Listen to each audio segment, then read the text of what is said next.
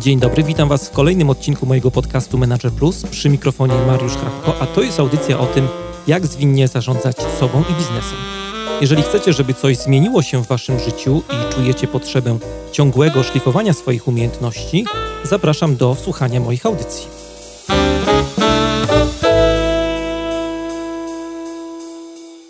To jest podcast Manager Plus. Dzisiaj y, w audycji będziemy rozmawiali o tym, jak żyć produktywnie, tak po prostu.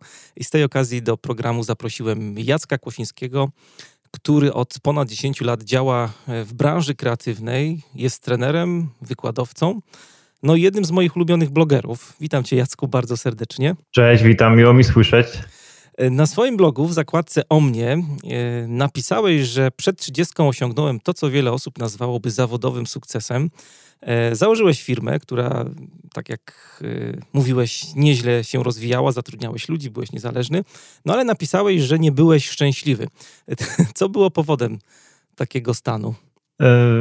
Wiesz co, wiele było powodów, mm. myślę, mm, ale taki zasadniczy, który jakby był graniczny i który sprawił, że właśnie no, nie dokończyłeś, ale tę firmę jakby opuściłem w pewnym sensie, e, był taki, że no po prostu nie byłem szczęśliwy przez to, że mam za dużo rzeczy na głowie. -hmm. Bo ja tak naprawdę miałem, niby miałem jedną swoją firmę, ale tak naprawdę pracowałem na dwa etaty, bo moja firma zajmowała, zajm, no nadal istnieje, więc zaj, można powiedzieć, nie, nie chcę nie mówić w czasie przeszłym, ona y, zajmuje się mm, brandingiem, projektowaniem graficznym, ale też takim wspartym silnie podłożem marketingowym, strategią i tak dalej. Mhm. A z drugiej strony ja no, pracowałem, można powiedzieć, też na drugim etacie, czyli w ramach wszystko, co się kręciło w ramach mojego bloga. Mój blog, blog zaczął puchnąć, rosnąć, pojawiało się coraz więcej okazji, coraz więcej propozycji. Tak jak powiedziałeś, było, były szkolenia, jakieś konferencje, dużo różnych, dużo różnych jakichś pojawia się z tej, z tej okazji właśnie możliwości I, i dopóki ja byłem sobie takim powiedzmy dwudziestokilkuletnim gościem, który może robić co chce, no to było fajne, ale jak już e, u mnie pojawiło się dziecko, to w pewnym momencie to po prostu no nie, nie da się. Mhm w ten sposób działać i żyć. No więc uznałem, że po prostu z, czegoś trzeba zrezygnować i no w, z bólami i zdecydowanie nie była to łatwa decyzja i się długo z nią nosiłem, ale stwierdziłem, że jednak y, te udziały w swojej firmie sprzedam mojemu wspólnikowi i mm, no zaangażuję się w tę działalność blogową, y, blogową w szerokim kontekście, tak, no jakby blog jest przyczynkiem tak naprawdę. Ja się nie lubię nazywać blogerem, bo tak naprawdę blog jest pewnym tylko jakimś tam wycinkiem tego, co ja robię. Mhm. I, i, I, no właśnie, ale powody tego były takie, jak mówisz, jakby z jednej strony, jak powiedziałem w sumie ja, to znaczy te, te ograniczenia czasowe, ale z drugiej strony właśnie ten taki szereg możliwości, które to blogowanie mi dawało, tak? To znaczy właśnie i szkolenia, i spotkanie z ludźmi, e, i większa taka możliwość e, pojeżdżenia sobie, e, czy to po Polsce, czy nawet trochę dalej, więc jakby no też właśnie dużo różnych pomysłów, które miałem na rozwój właśnie tej działalności blogowej, a z kolei ta działalność brandingowa, ona już była taka powiedzmy e, sztywna, ugruntowana, tam byli stali klienci, było, wszystko się kręciło, było piękne biuro, ale to było wszystko takie, wiesz, e, mniej ekscytujące już, tak, mhm. dla mnie przynajmniej, tak, więc jakby stwierdziłem, że no po prostu chcę się tutaj rozwijać, tutaj siebie bardziej widzę, tutaj siebie bardziej czuję, więc no po prostu, no dziś teraz właśnie robię to. E, a do tego przejścia e, właśnie na taką własną działalność e, przygotowywałeś się tylko mentalnie, czy też, nie wiem, myślałeś o finansach, jak to będzie? No bo to taka dość odważna decyzja, nie? Miałeś firmę, która dobrze kręciła, Jasne, przygotowałem się, wiesz, no, no, no właśnie ważny jest tutaj kontekst taki, że właśnie ja no gdzieś tam e, w międzyczasie e, ożeniłem się, w międzyczasie właśnie urodził mi, urodził mi się syn, więc jakby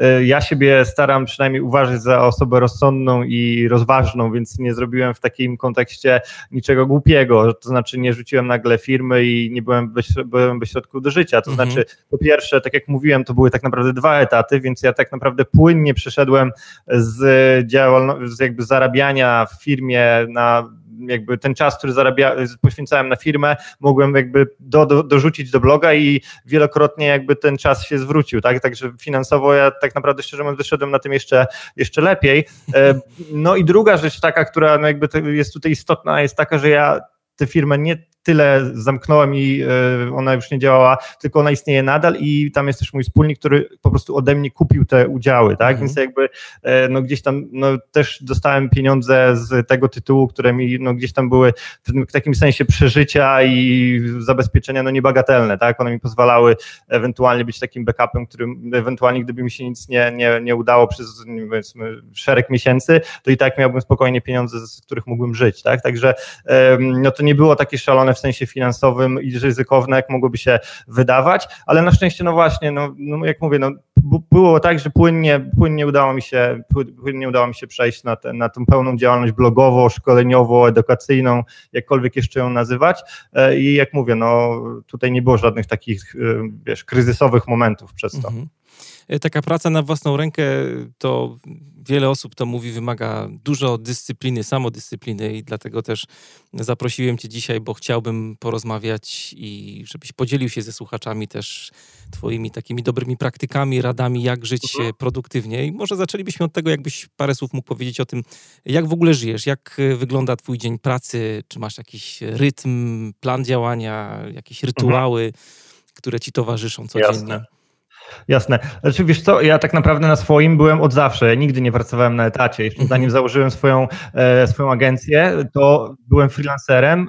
E, pracowałem przez całe studia jako freelancer. Mimo, że studiowałem dziennie, to miałem właśnie znowu dwa etaty, powiedzmy. E, później założyłem tę agencję i teraz e, znowu działam, no, powiedzmy, samodzielnie, więc tak naprawdę ja muszę od zawsze być zorganizowany i mhm. muszę być zdyscyplinowany, bo inaczej no, bym sobie nie poradził. Sami e, te osoby, które są przedsiębiorcami wiedzą, że, że no tutaj dyscyplina jest ważna.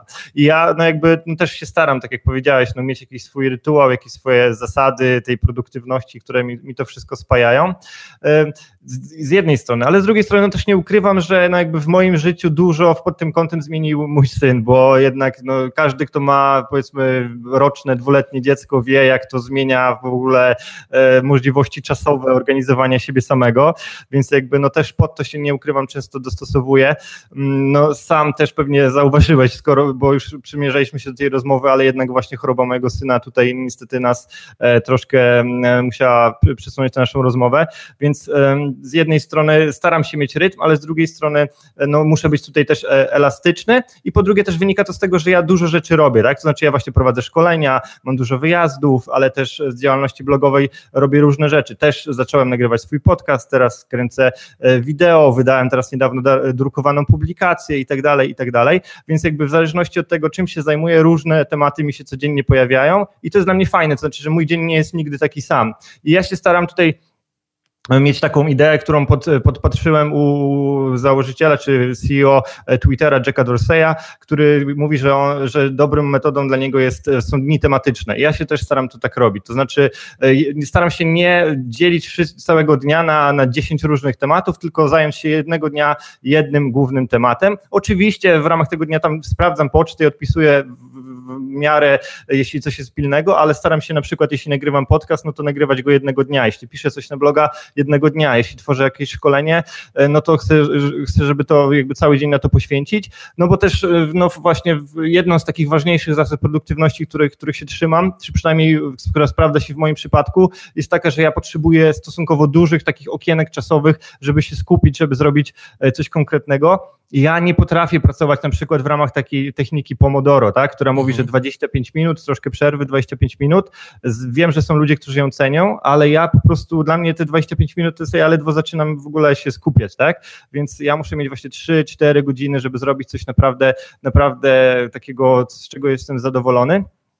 Więc jakby ten podział, podział czasowy jest dla mnie e, tutaj e, mega ważny i, i, gdzieś tam też no, staram się w ramach tego podziału tych zadań e, się dyscyplinować. To znaczy dla mnie bardzo ważne są takie rzeczy związane z kontrolą mnie samego, tak? Czyli ja sobie nakładam bardzo dużego, że tak powiem, duży bat nad sobą trzymam. To znaczy mierzę czas pracy, bardzo go sprawdzam, bardzo go kontroluję. Jeśli coś robię, to nakładam sobie takie ograniczenia w postaci wyłączania na siłę social media. Tak naprawdę na Facebooku mam od kilku miesięcy zablokowany newsfeed, w ogóle nie widziałem newsfeeda na Facebooku od kilku miesięcy i dobrze mi się z tym żyje.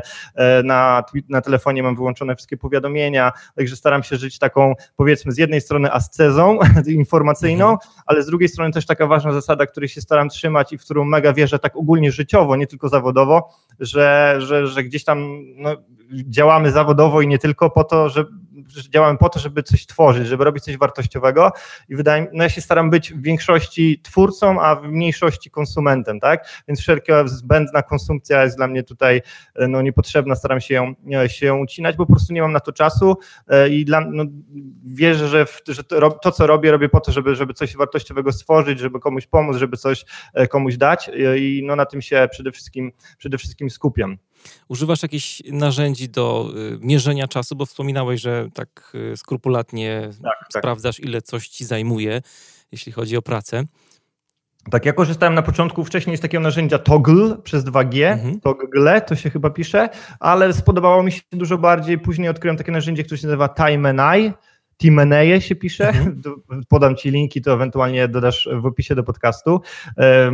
To jest narzędzie, które jest e, właśnie dostępne i na telefon, i e, no, dostępne desktopowo, z którego po prostu korzystam, mam swoje jakby zadania podzielone na projekty bo ogólnie rzecz biorąc staram się no jakby działać w ramach właśnie podejścia projektowego do wszystkiego, co robię. Wszystko, co robię, e, czy to zawodowo, czy niezawodowo, staram się, żeby było projektem, tak? I w ramach tego projektu sobie wydzielam e, poszczególne zadania i w ramach no, mierzenia czasu też jakby tak to mam podzielone, to znaczy nie dość, że właśnie w programie do zarządzania zadaniami, mm, a używam Nozbi, e, dzielę to sobie na projekty i zadania, no to jeszcze w, no jakby powiedzmy symetrycznie i lustrzanie odbijam to właśnie w tym programie do mierzenia czasu, że wiem ile czasu zajmują mi te zadania i określone czynności, bo niestety Nozbi takiej funkcji nie, nie posiada. E, czyli jak na przykład masz e, projekt pisanie bloga, to śledzisz konkretnie czas zadania, na przykład, nie wiem, zrobienie researchu do artykułu, tak? Tak, czy, tak czy... dokładnie, dokładnie tak. Znaczy ja właśnie, jeśli, jeśli mówimy o zasadach i regułach produktywności, to kolejna rzecz, która jest mega ważna moim zdaniem, to rozbijanie na jak najmniejsze części, tak? Mhm. Więc ja się jakby uważam, że bardzo złym zadaniem jest zadanie określone jako napisać tekst na bloga. Uważam, że znacznie lepiej rozbić to na części składowe, to znaczy właśnie research, e, napisanie wręcz wstępu, napisanie napisanie, opisanie jakiegoś, e, jakieś, znalezienie jakiejś historii do tego. Nawet ten research można jeszcze rozbić na jakieś mniejsze części, jeśli mamy już jakąś koncepcję tego, e, tego wpisu. Jeśli wiemy, że w tym wpisie chcemy omówić jakieś e, badania, no to właśnie przeczytanie informacji na temat tego badania u mnie jest osobnym taskiem, tak? Bo to są właśnie wtedy no, elementy, które pozwalam, pozwalają mi dużo bardziej to, to kontrolować. No i mm, tak jak powiedziałem, w, w ramach właśnie tego programu do mierzenia czasu staram się sprawdzać, ile zajmuje mi taki research, ile zajmuje mi redakcja, żeby później to kontrolować, sprawdzać, samemu wiedzieć, ile, ile ja po prostu też potrzebuję czasu na określone, na określone rzeczy i wbrew pozorom no da się to uśredniać tak naprawdę. A ile pracujesz w ogóle w, tak w tygodniu? To jest jakoś porównywalne do pracy etatowej? Nie wiem, 8 godzin dziennie, czy mniej, czy tak, więcej? Nie, no myślę, że, myślę, że jest to bardzo porównywalne. To znaczy ja właśnie kiedyś miałem tutaj bardzo duże zaburzenia i pracowałem bardzo dużo, ale właśnie jak mówię, od tej, no powiedzmy od półtorej roku, tej takiej zmiany mojego życia, to pracuję tak bardzo, można powiedzieć, etatowo, tak? Mhm. Znaczy ja pracuję z domu teraz, co sobie bardzo cenię, nie wiem, to jest temat na inny trochę wątek, jeśli będzie chciał, to możemy to rozwinąć, ale właśnie, no właśnie pracuję z domu, gdzie no jakby właśnie no żyje i moja żona i mój syn, więc ja muszę się też w pewnym sensie i chcę do, nich, do ich rytmu dostosować, tak? Więc jakby oni e, razem wychodzą e, koło o, no przed dziewiątą, bo żona zaczyna pracować dziewiątej, syn e, wędruje do przedszkola i do tej siedemnastej ja tutaj mam spokojnie spokojnie w domu czas, żeby, żeby sobie popracować. Kiedy oni wracają, to tak naprawdę poświęcam czas głównie im właśnie, więc tutaj mam takie życie rodzinne po tej 17 i ewentualnie jak, jak, jak synek tam pójdzie spać wieczorami, no to, no to jeszcze czasami jak trzeba coś zrobić albo no jest coś pilnego, no to jeszcze wieczorem dorzucam powiedzmy pół godzinki, godzinkę, ale to też no, no, nie, no w większości sytuacji tego nie robię, tak? W weekendy też staram się nie pracować, spędzać czas z rodziną, w szerokim kontekście ze znajomymi i tak dalej, także ja dbam bardzo o to zdrowie takie e, tego balansu i, i sobie mhm. to cenię też teraz. A wspominałeś e, o jednym narzędziu do zarządzania czasem, Time and I. Też mówiłeś e, o tym, że się odcinasz mocno od kanałów społecznościowych. Mhm. Nie widzisz newsfeeda. Używasz do tego jakichś narzędzi? Tak, jest takie narzędzie, dodaczy, to, to, narzędzie do zabijania newsfeeda się właśnie nazywa Kill Newsfeed. To jest, to jest rozszerzenie do Google Chrome. Ale ono jest też, jeśli ktoś korzysta, korzysta z innych przeglądarek, to są jakieś takie analogiczne rozwiązania. Ja u siebie nawet na blogu, na blogu to opisywałem. E, to jest po prostu kill newsfeed, zabij newsfeeda i to jest super, dlatego że to właśnie pełni taką rolę, o której ja powiedziałem. To znaczy ono e, zabiera tą konsumpcyjną część Facebooka, a daje, zostawia ci tą taką twórczą, tak? Czyli nadal możesz zarządzać własnym fanpage'em, nadal masz na przykład dostęp do własnej grupy na Facebooku, e, którą ja prowadzę. W sumie nawet mam kilka grup, bo związanych ze szkoleniami i tak dalej. Więc jakby te rzeczy, które potrzebne mi są zawodowo i do pracy, ja wszystkie widzę, a tych jakichś powiedzmy zdjęć kotów i, i kotletów schabowych to, to nie widzę, tak? Więc jakby to, to jest super rozwiązanie.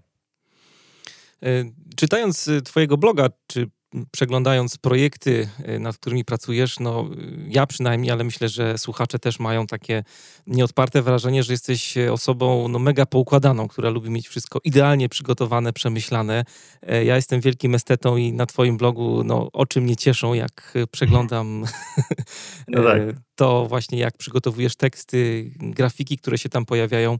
E, tak zmierzam trochę do tego, czy, czy, czy nie jesteś perfekcjonistą w tym wszystkim i czy perfekcjonizm nie utrudnia ci e, właśnie realizacji twoich projektów? No właśnie, to czy jeśli chodzi o grafikę, to to jakby poniekąd wynika z perfekcjonizmu, ale też wynika no, jakby z mojej jakby przeszłości, tak? To znaczy ja dużo czasu poświęciłem na projektowanie graficzne, można powiedzieć, że jestem w dużej części mojej kariery zawodowym projektantem i też teraz jakby moje szkolenia tego dotyczą, tak? Więc jakby jakość grafiki no, muszę gdzieś tam mieć wysoką, bo gdzieś no to jakby to jest mój fach, taki przynajmniej ten wcześniejszy. Natomiast tak, perfekcjonizm jakby też oczywiście oprócz tej grafiki przejawia się w różnych takich e, aspektach w mojej pracy, który mi też często przeszkadzał na przestrzeni lat. Tak jakby miałem poczucie, że gdzieś tam to moje takie narzekanie zawsze na wszystko, że wszystko musi być jeszcze lepsze i nic nigdy mi się nie podoba i wiecznie niezadowolenie z siebie samego i tak dalej, no gdzieś tam e, no było, no, no nadal jest, ale staram się z tym walczyć, można powiedzieć, tak? No przypuszczam, Czyli... że osób, które to doceniają nie ma aż tak e, zbyt wielu, jeśli chodzi no, o tą estetykę. Nie wiem, czy z jednej strony, znaczy ja tu się, znaczy o ile uważam jednak, że perfekcjonizm za złe zjawisko i perfekcjonizm y, generalnie wydaje mi się, że jest dosyć szkodliwy, to o tyle jednak ja bym nie chciał przesadzać, w tym sensie, że jestem fanem jakości, tak? To znaczy uważam, że jeśli zabieramy się za coś, za cokolwiek, co, co, robimy, to jakby nastawienie się na to, że robimy to wysokiej jakości jest dobrym e, nastawieniem, tak? To znaczy wysokiej jakości w sensie robimy to bardzo dobrze, tak? I, i tak, takie coś mi e, no, gdzieś tam zawsze przyświeca świeca, więc y, oczywiście perfekcjonizm jest jakby, jakby patologią w ramach tej, e, tego nastawienia, jest nastawieniem przesadnym, przywiązywaniem wagi do już zbędnych rzeczy, ale jednak e, ja jestem po stronie tego, żeby, żeby tutaj dbać o detale, żeby, żeby dbać o niuanse, żeby no gdzieś tam trzymać się tej wysokiej jakości, nie robić rzeczy, e, rzeczy byle jakich. I to oczywiście jest droga trudniejsza, wiadomo, bardziej wymagająca i czasowo, i finansowo, i mentalnie, ale jednak uważam, że, że, że to, co jakby gdzieś gdzieś tam to, co powiedziałeś, ludzie doceniają, w mojej pracy przynajmniej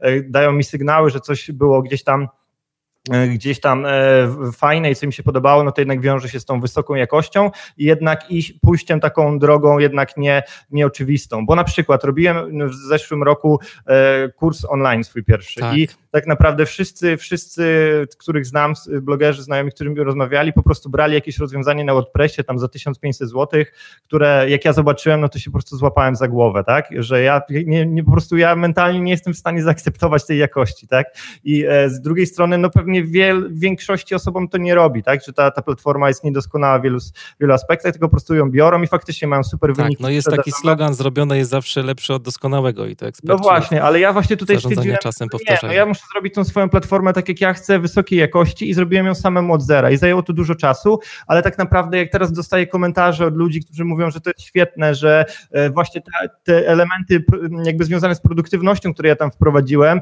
które ułatwiają e, jakby, jakby przechodzenie tego kursu, e, sama jego estetyka, no jakby jest czymś wspaniałym i się przy, przejawia, pojawia się w praktycznie każdej recenzji, opinii, którą dostaję na temat tego kursu, więc z jednej strony mam poczucie, że strasznie dużo energii to zabrało, ale z drugiej strony mam poczucie, że jednak faktycznie to jest docenione i ludzie to zauważyli, tym bardziej, że ja mam taką grupę docelową ludzi jednak e, o wysokiej powiedzmy wrażliwości, tak? Czy to Mhm. na jakąś estetykę, czy wrażliwości ogólnie na rozwiązania kreatywno-technologiczne, powiedzmy, tak? Ja, jak gdzieś tam, e, no moi, moimi odbiorcami jest branża kreatywna, czyli graficy, copywriterzy, programiści, e, więc to są ludzie tacy, którzy wie, widzą różne rzeczy, są w branży, siedzą, znają dużo różnych rozwiązań, marketerzy i tak dalej i no gdzieś tam potrafią takie rzeczy docenić. To nie jest, nie obrażając nikogo, taki przypadkowy Kowalski z ulicy, który, e, który, któremu w sumie wszystko jedno, nie? Więc no to jest w tym kontekście e, u mnie ważne.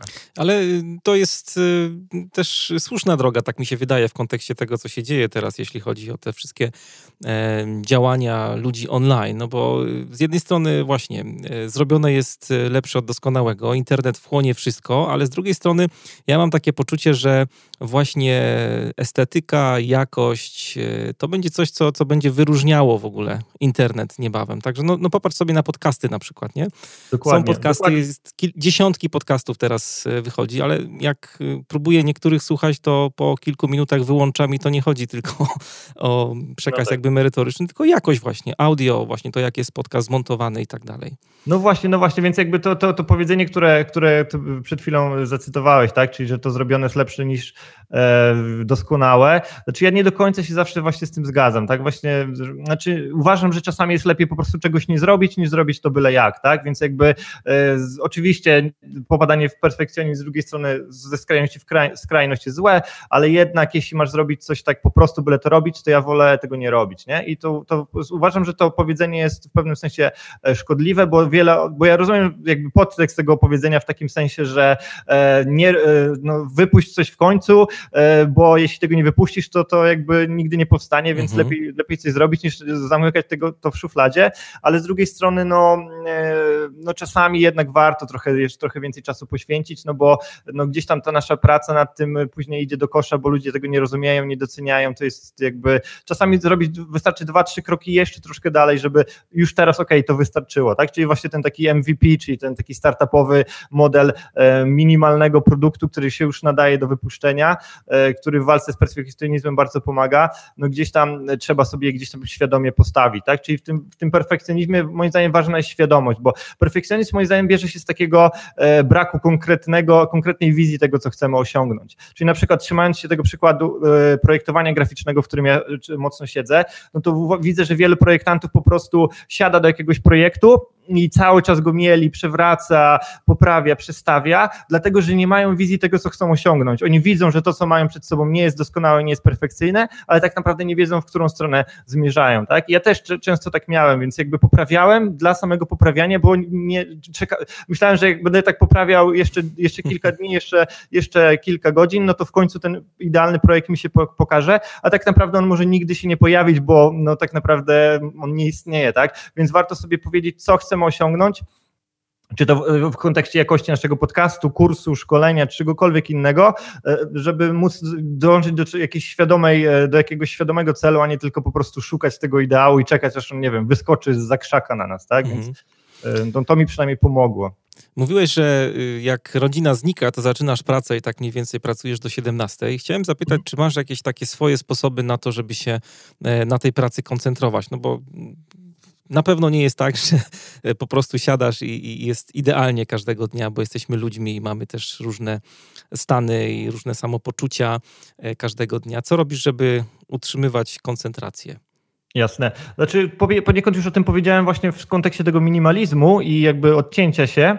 E, Po drugie, właśnie pomaga mi e, na przykład ten tykający zegar, ten licznik czasowy, bo ja wiem, znaczy, jak często to mówię ludziom, to oni się śmieją i się troszkę, mam wrażenie, pukają w czoło, o, o co mi chodzi, ale tak naprawdę ja tak przynajmniej mam, że jeśli odpalę ten licznik, to załóżmy, że robię, postanowiłem, że robię teraz research do artykułu na bloga i odpalę ten e, tykający licznik, to mi się nie chce rozpraszać, nie chce gdzieś tam uciekać, bo jakby mam poczucie, że wtedy oszukuję trochę ten czas i zaburzam te swoje statystyki i bez sensu jest wtedy mierzyć czas e, researchu, skoro ja teraz siedzę i tak na Facebooku, tak? Więc jakby to mnie naprawdę motywuje, to jakby sam, sama idea mierzenia czasu, ale zdaję sobie sprawę, że nie wszyscy tak mają.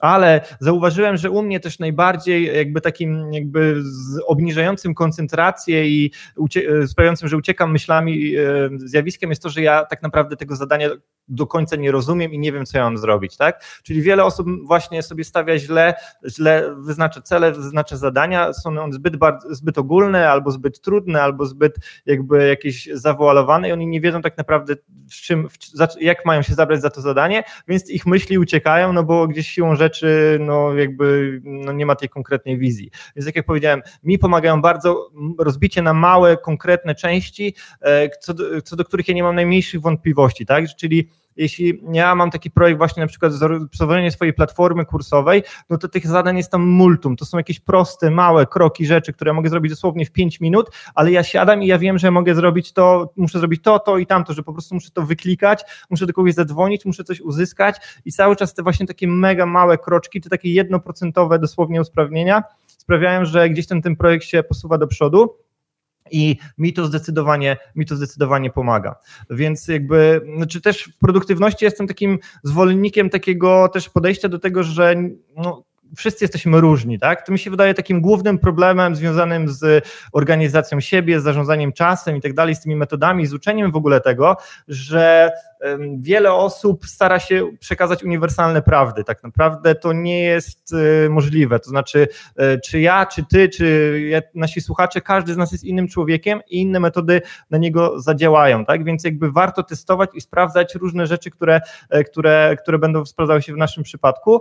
I widzę też takie, e, jeśli ktoś jest zniechęcony na przykład metodami zarządzania czasem, czy mówieniem o produktywności, to mówi z reguły, bo ja to próbowałem i to nie działa. Ja próbowałem to Pomodoro i wszyscy tym mówią i to u mnie nie zadziałało, więc takie tam zarządzanie czasem jest bez sensu, bo te techniki wszystkie mi się nie podobają. A tak, tak naprawdę ktoś spróbował Pomodoro i to nie zadziałało, no bo właśnie jest typem człowieka, który potrzebuje więcej czasu na skupienie, jak na przykład ja, więc jakby warto sobie jakby siebie samego poznać w kontekście tego, co nas motywuje, co sprawia, że się koncentrujemy, cały czas się zastanawiać, dlaczego się zdekoncentrowaliśmy, co sprawiło, że teraz siedzimy od godziny i nic nie zrobiliśmy i wyciągać z tego wnioski, tak? Więc ja jakby staram się cały czas na siebie patrzeć świadomie i tak trochę z boku, tak? To znaczy, jeśli jeśli siedzę i nie mogę się skupić, to staram się powiedzmy spojrzeć na siebie z dystansu i powiedzieć, dlaczego ty Jacek nie możesz się skupić, dlaczego teraz siedzisz od 15 minut i klikasz, czytasz coś bez sensu na Wikipedii zamiast robić konkretną, e, konkretną robotę i wyda- mi to często podpowiada właśnie jakieś wnioski, że, że robię tak dlatego, że w sumie nie wiem, jak mam się zabrać za to zadanie, albo że to zadanie jest nudne i muszę jakoś je urozmaicić, żeby mi się chciało w ogóle za nie zabrać i tak dalej, i tak dalej, tak? Więc jakby ta taka kontrola i świadomość na temat siebie samego jest mega ważna też właśnie w koncentracji, o której mówimy. Sporo osób y, na przykład pracując, y, żeby sobie podnieść y, trochę poziom koncentracji, słucha muzyki. Próbowałeś pracować z muzyką na przykład? Zdarza ci się? Mhm, ale wiesz, co mi się wydaje, wiesz, nie potrafię teraz tego jakby udowodnić w sensie naukowym, ale wydaje mi się, że to ma związek z wykorzystywaniem półkuli mózgowej, że tak powiem. Bo na przykład, jeśli coś projektuję, to jestem w stanie przy muzyce robić to w zupełności i wręcz lubię, tak? Ale z drugiej strony, jak piszę na przykład, albo mam coś wymyślić, albo muszę o czymś tak intensywnie myśleć, analitycznie powiedzmy, to muzyka mnie denerwuje strasznie, tak? Mhm. To znaczy, po prostu irytuje mnie jakakolwiek muzyka. Y, i jakby nie mogę tego robić. Na przykład czytać książki przy muzyce też nie mogę, bo, jakby nie mogę się na tym jakoś specjalnie skupić, tak? Także ja jestem generalnie człowiekiem, który lubi ciszę i właśnie na przykład jeśli jeżdżę gdzieś tam mm, prowadzić szkolenia, to moim ulubionym wynalazkiem w ogóle w logistyce ostatnich lat to jest y, strefa ciszy w Intercity, tak? Czyli taki wagon, w którym nie można rozmawiać, w którym trzeba siedzieć cicho, nie można odbierać telefonów i wszyscy się na to tam godzą i ja tam zawsze wybieram miejsce, no bo po prostu tam jest cicho, spokojnie, mogę sobie popracować, poczytać jednak większość zadań, które ja robię, to wymagają ode mnie tej ciszy, skupienia i faktycznie to jest jeden z elementów, który, który zwiększa moją koncentrację. Ewentualnie ja jestem, e, jeśli chodzi o muzykę, fanem postroka i muzyki raczej takiej instrumentalnej, tak? Postrok jest w dużej mierze muzyką instrumentalną i ja ewentualnie jestem w stanie przy takiej muzyce się jeszcze czasami skupić, jeśli ona jest taka właśnie, jeśli ktoś mi tam coś śpiewa do ucha, coś mi tam mówi, mhm. jakieś słowa, no to po prostu dla mnie nie ma szans na, na właśnie no, Niektórzy korzystają z jakichś dźwięków tła na przykład, nie wiem, wspominam wspominałeś pociąg, można sobie pociąg włączyć albo kawiarnię. Tak, są takie rzeczy, tak noisely i tak dalej, ale to właśnie nie traktuję, wiesz co, tego jako muzykę, już wiadomo, nie, mhm. nie wpisujemy to w te kategorie, więc przy takich dźwiękach tła, na przykład w kawiarni, jeszcze okej, okay, nie? Mi bardziej chodzi o takie bardziej intensywne właśnie muzyki, albo jakbym słyszał jakąś, ktoś by siedział obok mnie w pociągu i rozmawiał przez telefon, no to bardzo byłoby mi się trudno skupić, bym cały czas, wiesz, to słyszał i no by rozpraszałoby mnie to. Mhm. Na twoim blogu, tak jak mówiłem już na początku, jest mnóstwo ciekawych tekstów, artykułów. Sam czytam, to jest jeden z nielicznych blogów, który czytam regularnie, ale jest taki jeden, te, jeden tekst, który na pewno polecimy w materiałach też do podcastu słuchaczom. 21 wrogów e, produktywności. Chciałbym Cię zapytać, nawet nie prosić o to, żebyś powiedział o każdym e, z tych punktów, ale tak na przykład trzy. E, trzy takie największe, trzy, trzech największych wrogów produktywności, jakbyś mógł wymienić, mhm. Twoim zdaniem. Wiesz co, to może jakby spróbuję jakby nie wymieniać konkretnie jakiejś rzeczy, które tam były, ale jakby spróbuję tutaj zrobić jakiś wspólny mianownik, trochę to uśrednić. Skoro mm -hmm. mamy z 21 zrobić 3, to może jakoś tak trochę ogólnie. E, właśnie, bo jakby jak na przestrzeni lat i no, interesując się bardzo tym tematem, tak jak mówisz, czytając dużo i e, też, że tak powiem, zabrzmi to głęboko, ale wchodząc e, w swoją skórę, patrząc na siebie z dystansu, starając się poznać samego siebie w tym kontekście, to zauważyłem, że, że u mnie działają właśnie faktycznie e, takie trzy rzeczy. Trochę po części już o nich powiedziałem, czyli e, po pierwsze, znaczy jest taki fajny cytat, który ja bardzo lubię, który jest z jednej strony oczywisty, ale z drugiej strony jakby jak, jak to usłyszałem, to pomyślałem, Boże, o to właśnie chodzi, tak? Mhm. I był taki e, legendarny trener Mohameda Aliego, który powiedział, że każdy plan jest dobry, dopóki e, nie dostaniemy pięścią w twarz. E, to znaczy właśnie na konferencjach prasowych, czy pytany przez dziennikarzy o jakieś swoje strategie, plany na konkretną walkę, on powiedział, że oni jakieś tam mają, ale tak naprawdę i tak się wszystko sprowadza do tego, że dostanie ten bokser pięścią w twarz i musi improwizować. No i no wydaje mi się, że, że z nami jest e, w pewnym sensie codziennie, codziennie tak samo. To znaczy mamy jakiś plan, mamy jakąś, jakąś tam wizję, ale nagle właśnie dostajemy pięścią w twarz, bo ktoś zadzwonił, ktoś się rozchorował, ktoś coś od nas chce, coś się popsuje e, i tak dalej, i tak dalej. I te nasze plany się rozlatują, więc my musimy być po pierwsze gotowi na improwizację, ale po drugie też właśnie no, być e, świadomi tego, co my robimy cały czas, kontrolować to w ramach naszego dnia, co się dzieje dzieje wokół nas i odpowiednio na to reagować. Więc ten plan jest dobrym wyznacznikiem, te cele są potrzebne i niezbędne, ale nie możemy, wiesz, zrobić rano listy pięciu rzeczy to do i na koniec wieczora sprawdzać, czy nam to wyszło, bo tak naprawdę to jesteśmy no, gdzieś tam skazani na to, że te pięści w twarz co chwilę gdzieś tam tę listę rozbiją, więc musimy dosłownie co pół godziny sprawdzać, weryfikować, czy zajmuje się tym, co chce, kontrolować, mierzyć czas, traktować siebie tro, trochę jako właśnie takiego pracownika, czy takie dziecko, które musimy pilnować, bo trochę tak jest, tak, że ten nasz mózg jest tak skonstruowany, że tak powiem, biologicznie, że on nam w pewnym sensie przeszkadza też często, tak? On łatwo ucieka, łatwo popada w jakieś różne schematy, błędy, które to nasze działanie e, ograniczają, więc warto pamiętać o tym, żeby, żeby gdzieś siebie samego e, kontrolować, czyli to właśnie ta świadomość, kontrola jest jedną z takich najważniejszych rzeczy.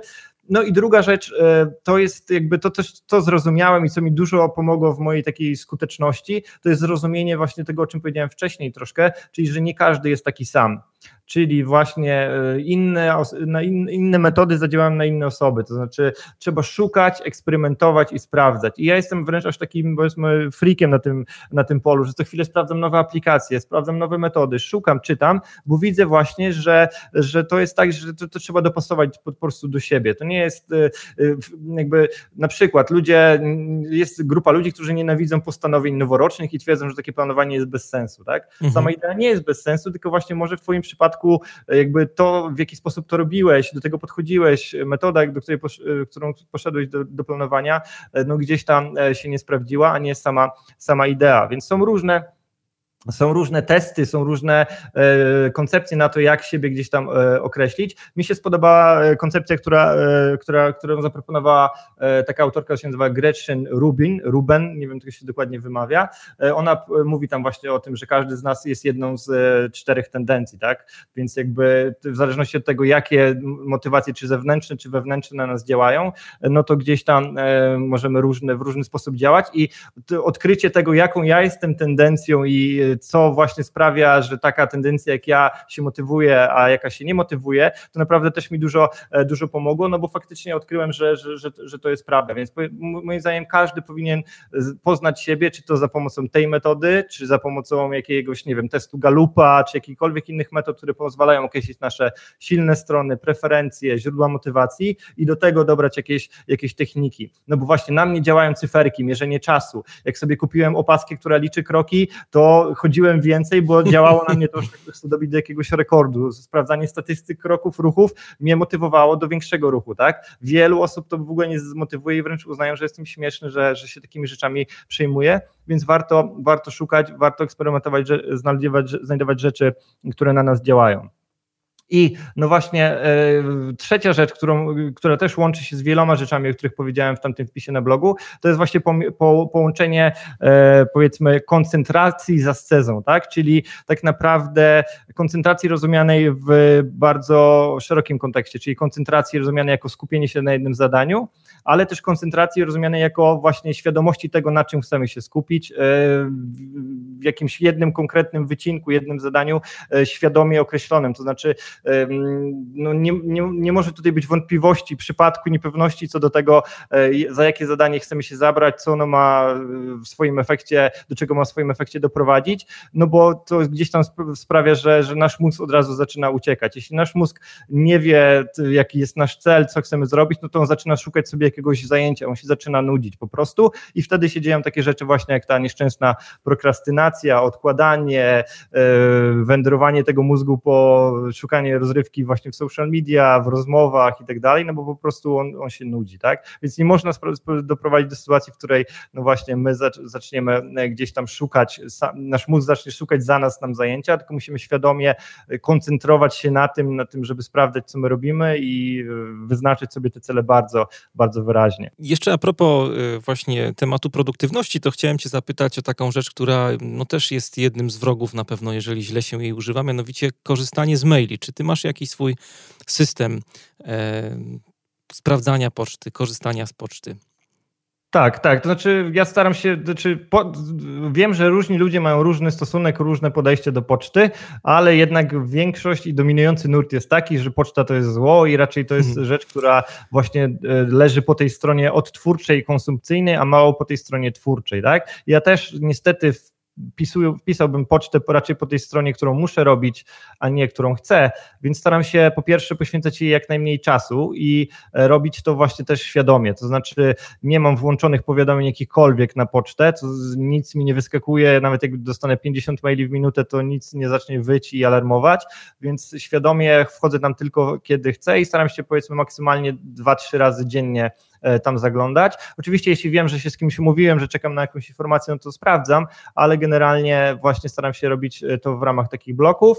W ramach tych bloków też staram się e, robić tak, że poświęcam ograniczony czas, czyli limituję, ile tego czasu teraz w tych mailach spędzę i za każdym razem staram się wszystkie sprawy niezałatwione, które się tam pojawią, w jakiś sposób załatwić, tak? I załatwieniem tej sprawy jest też dla mnie przypisanie zadania, że muszę to zrobić później, więc więc mogę tego maila też usunąć albo przerzucić do folderu, co jest już dla mnie też takim właśnie porządkiem w tych mailach, więc um, ja mam bardzo często inbox zero, wbrew pozorom, co niektórzy uważają za mityczny stan, no bo ja właśnie te maile bardzo często porządkuję i przerabiam na zadania, które trzeba zrobić, albo po prostu rzeczy, których nie chcę zrobić, gdzie mówię nie, koniec, usuwam albo odmawiam, tak? Więc jakby to jest moim zdaniem ważne, taka, taka, taka świadomość, że, że, że chcemy, że im bardziej to narośnie, im bardziej ta sterta powiedzmy w cudzysłowie maili się tam będzie pojawiała, będzie mnóstwo tam spraw niezałatwionych, tym gorzej jakby, no wiadomo, z efektami zarządzania tą pocztą, więc ja staram się, żeby tam był duży porządek, żeby tam było czysto, nie było niezałatwionych spraw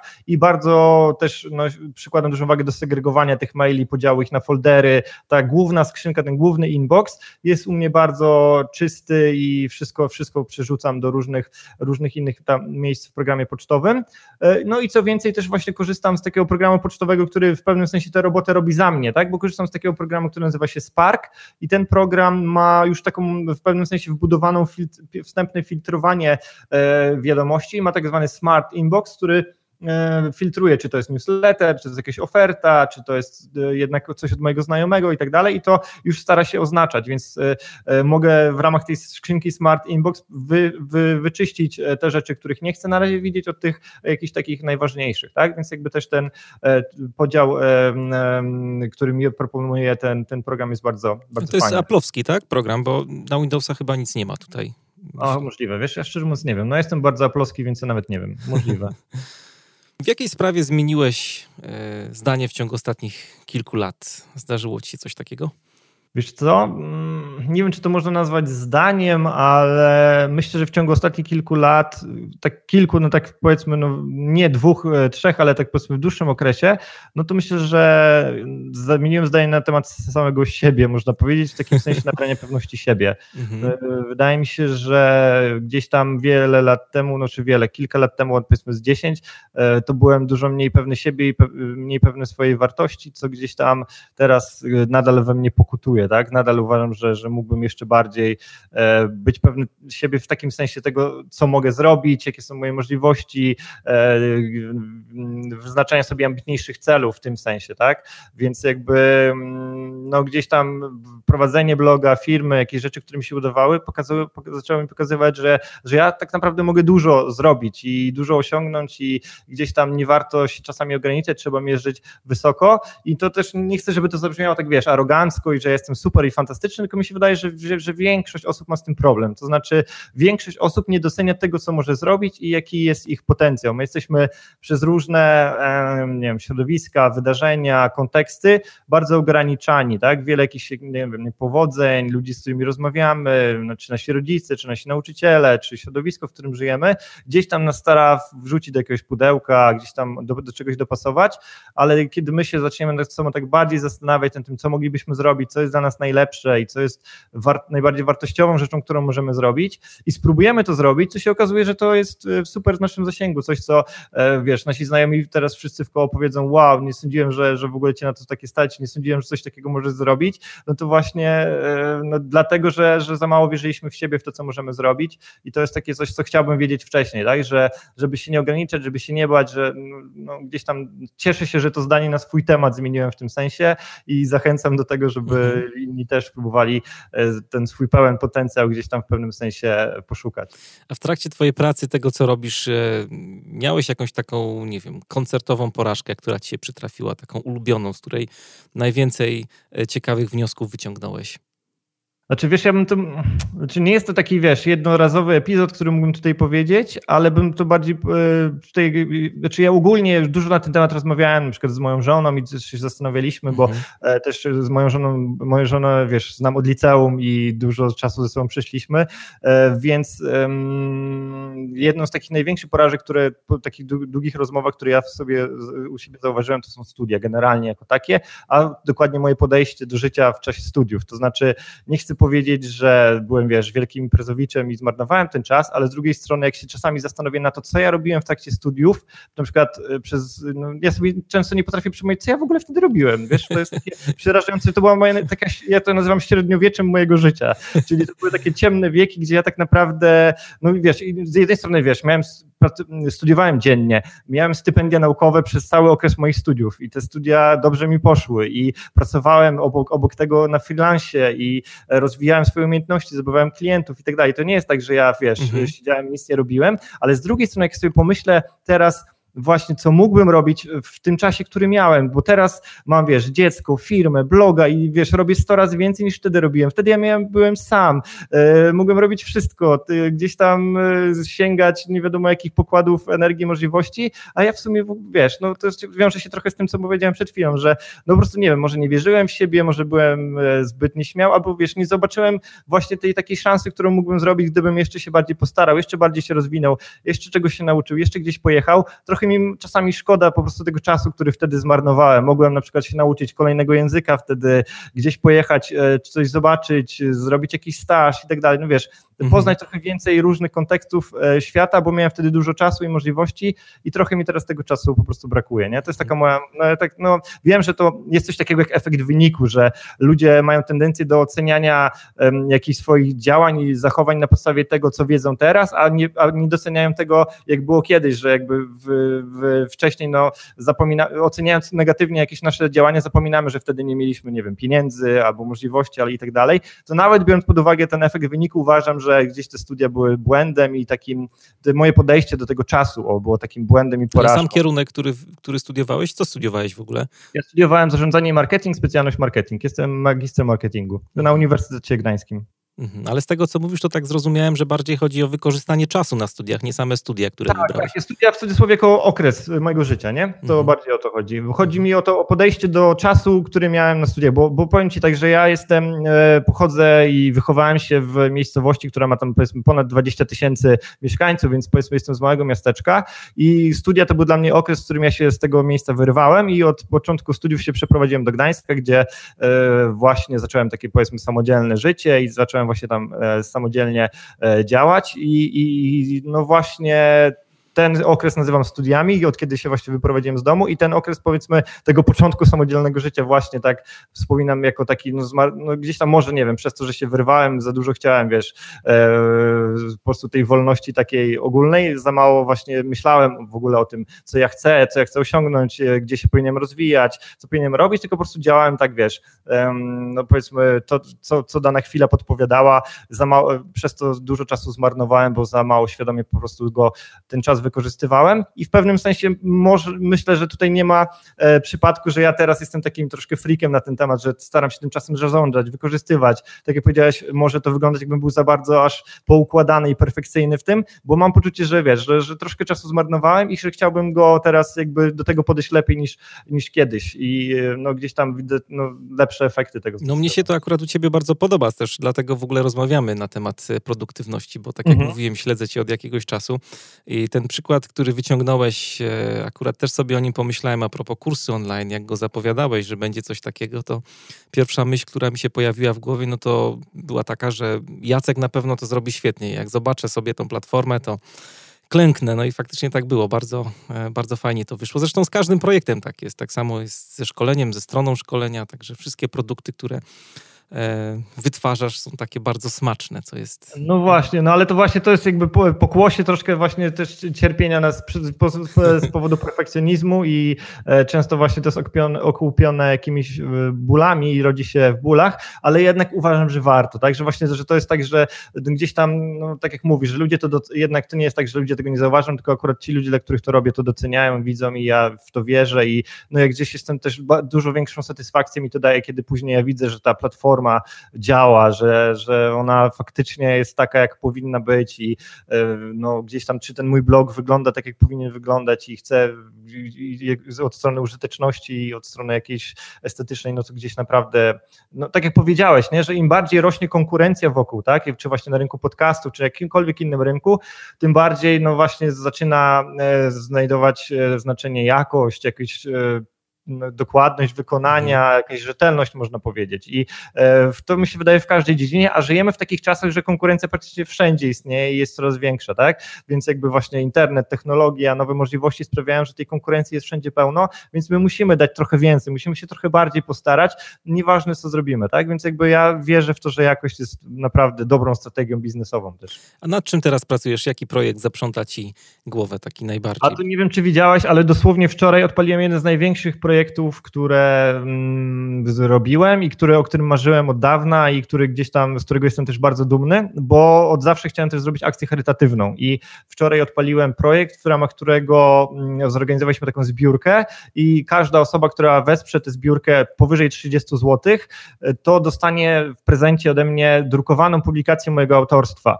To znaczy 100% jak można powiedzieć zysków ze sprzedaży tej publikacji zostanie przekazane na cele charytatywne, a dokładnie na Akademię przyszłości. I mhm. ja znalazłem partnera, który zgodził się wydrukować za darmo te publikacje w ilości tysiąca sztuk. Zna, mam zaprzyjaźnione projektantki, które zgodziły się to zaprojektować i ten projekt wygląda no po prostu świetnie. Tak, widziałem na, na YouTubie właśnie, jak opowiadałeś o tej książce i tak, książkę tak, też widziałem. To wczoraj wreszcie ruszyło. E, można nie dość, że pomóc e, właśnie, nie wiem, dzieciom, czy samej organizacji, która, e, która pomaga dzieciom e, w edukacji, czy Akademii Przyszłości. Można pomóc samemu sobie albo komuś znajomemu, dając te publikacje i dzieląc się wiedzą, która jest tam zawarta.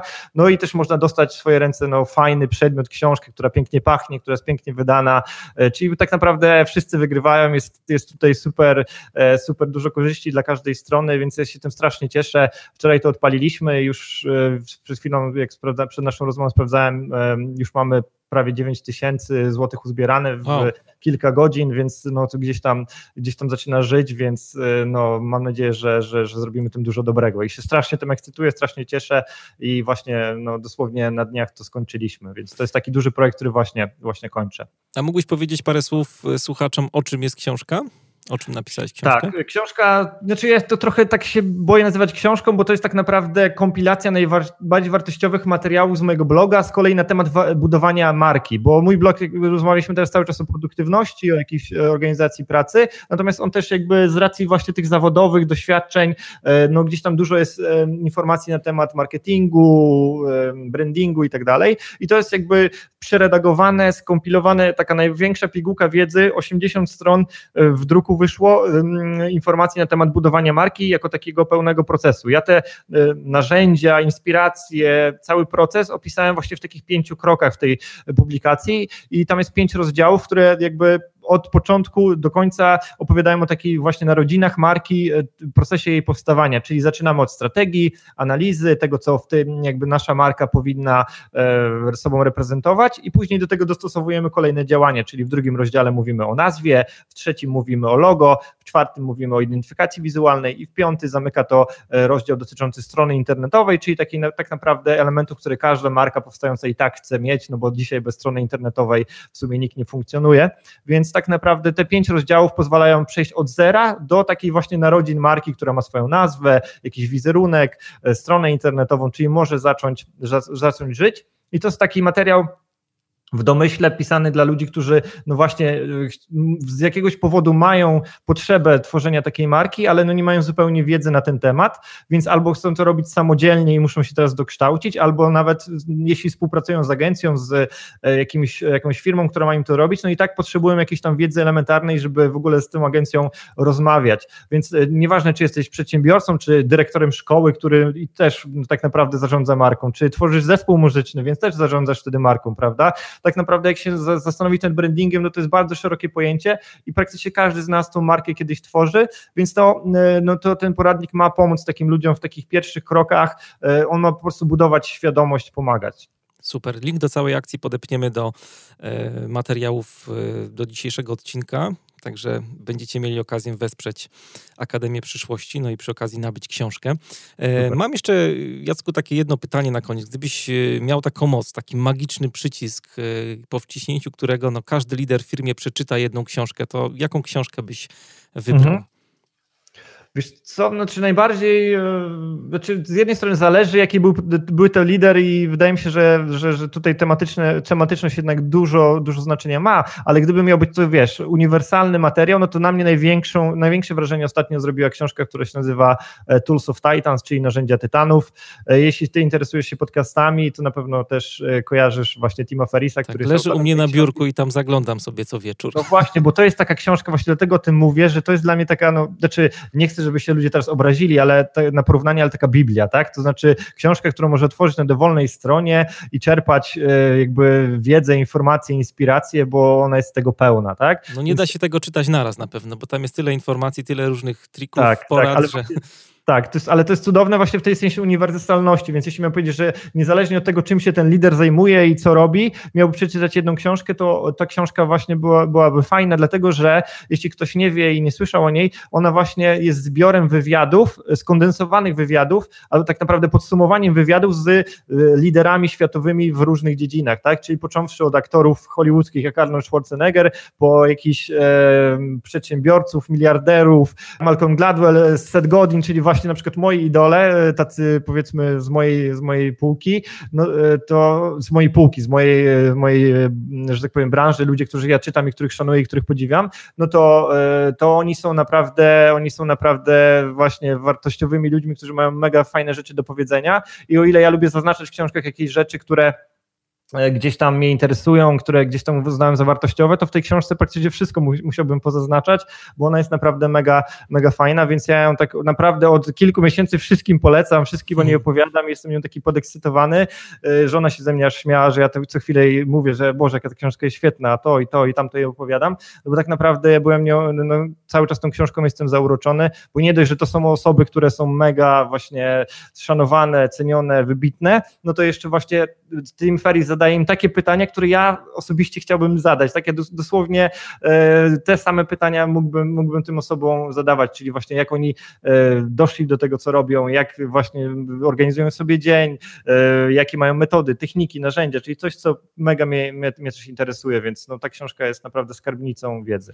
No i też są, jak słuchają nas podcasterzy, też tam są takie mm, artykuły Tima Ferisa w ogóle z jego bloga na temat tego, jak podcastować, jakich właśnie pytań używa, jakie pytania się sprawdzają, jakiego sprzętu używa, także jest e, tak, bardzo tak. dużo różnych rzeczy, także na no każdy temat. Tak, tak, taka piguła dokładnie, że tam tak. każda strona jest pełna inspiracji. To jest podcast Manager Plus. Dzisiaj moim i waszym gościem był Jacek e, Kłosiński, trener, wykładowca, bloger. Jacku, wielkie dzięki za dzisiejszą rozmowę. Ja również mega dziękuję za zaproszenie. Też chciałem powiedzieć, że podcastu e, twojego słucham, znam, więc to było dla mnie podwójna przyjemność wystąpić właśnie w podcaście, który, który od dawna obserwuję, więc tym bardziej dziękuję. Mam nadzieję, że to, co powiedziałem, się przyda i do usłyszenia, do zobaczenia. Super, wielkie dzięki.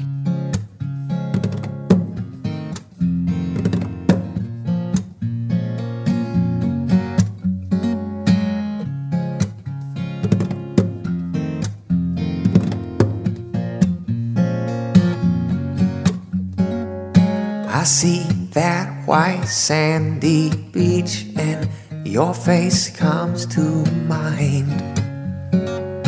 We walked on the twilight shores of memory and time.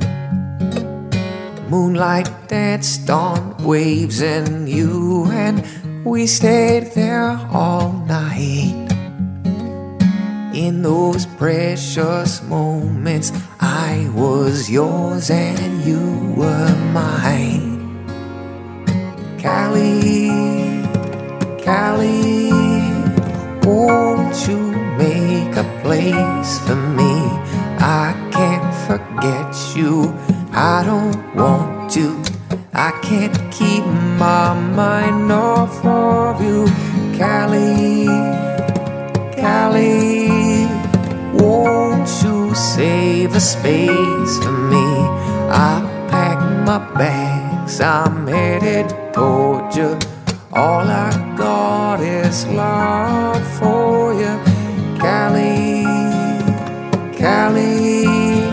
Won't you make a place for me somewhere?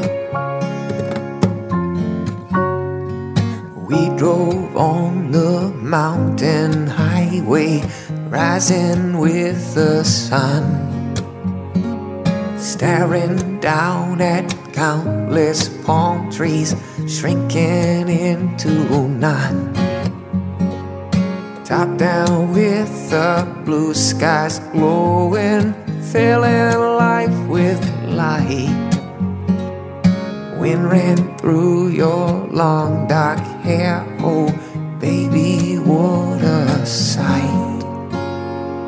Callie, Cali, won't you make a place for me. I can't forget you. I don't want to. I can't keep my mind off of you, Cali, Cali, won't you save a space for me? I pack my bags. I'm headed All I got is love for you. Cali, Cali. won't you make a place for me somewhere? When we parted ways, somehow I knew I'd never see times like this again when we were careless and so free. I kissed you goodbye and missed you oh so terribly. I never forget the promise that you whispered me. Callie, Callie, won't you make a place for me? I can't forget you. I don't want to. I can't keep my mind off of you, Callie, Callie. Won't you save a space for me? I pack my bags, I'm headed toward you. All I is love for you, Callie, Callie. Won't you make a place for me somewhere?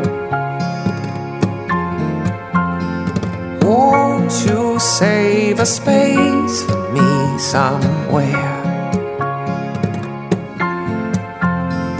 Won't you make a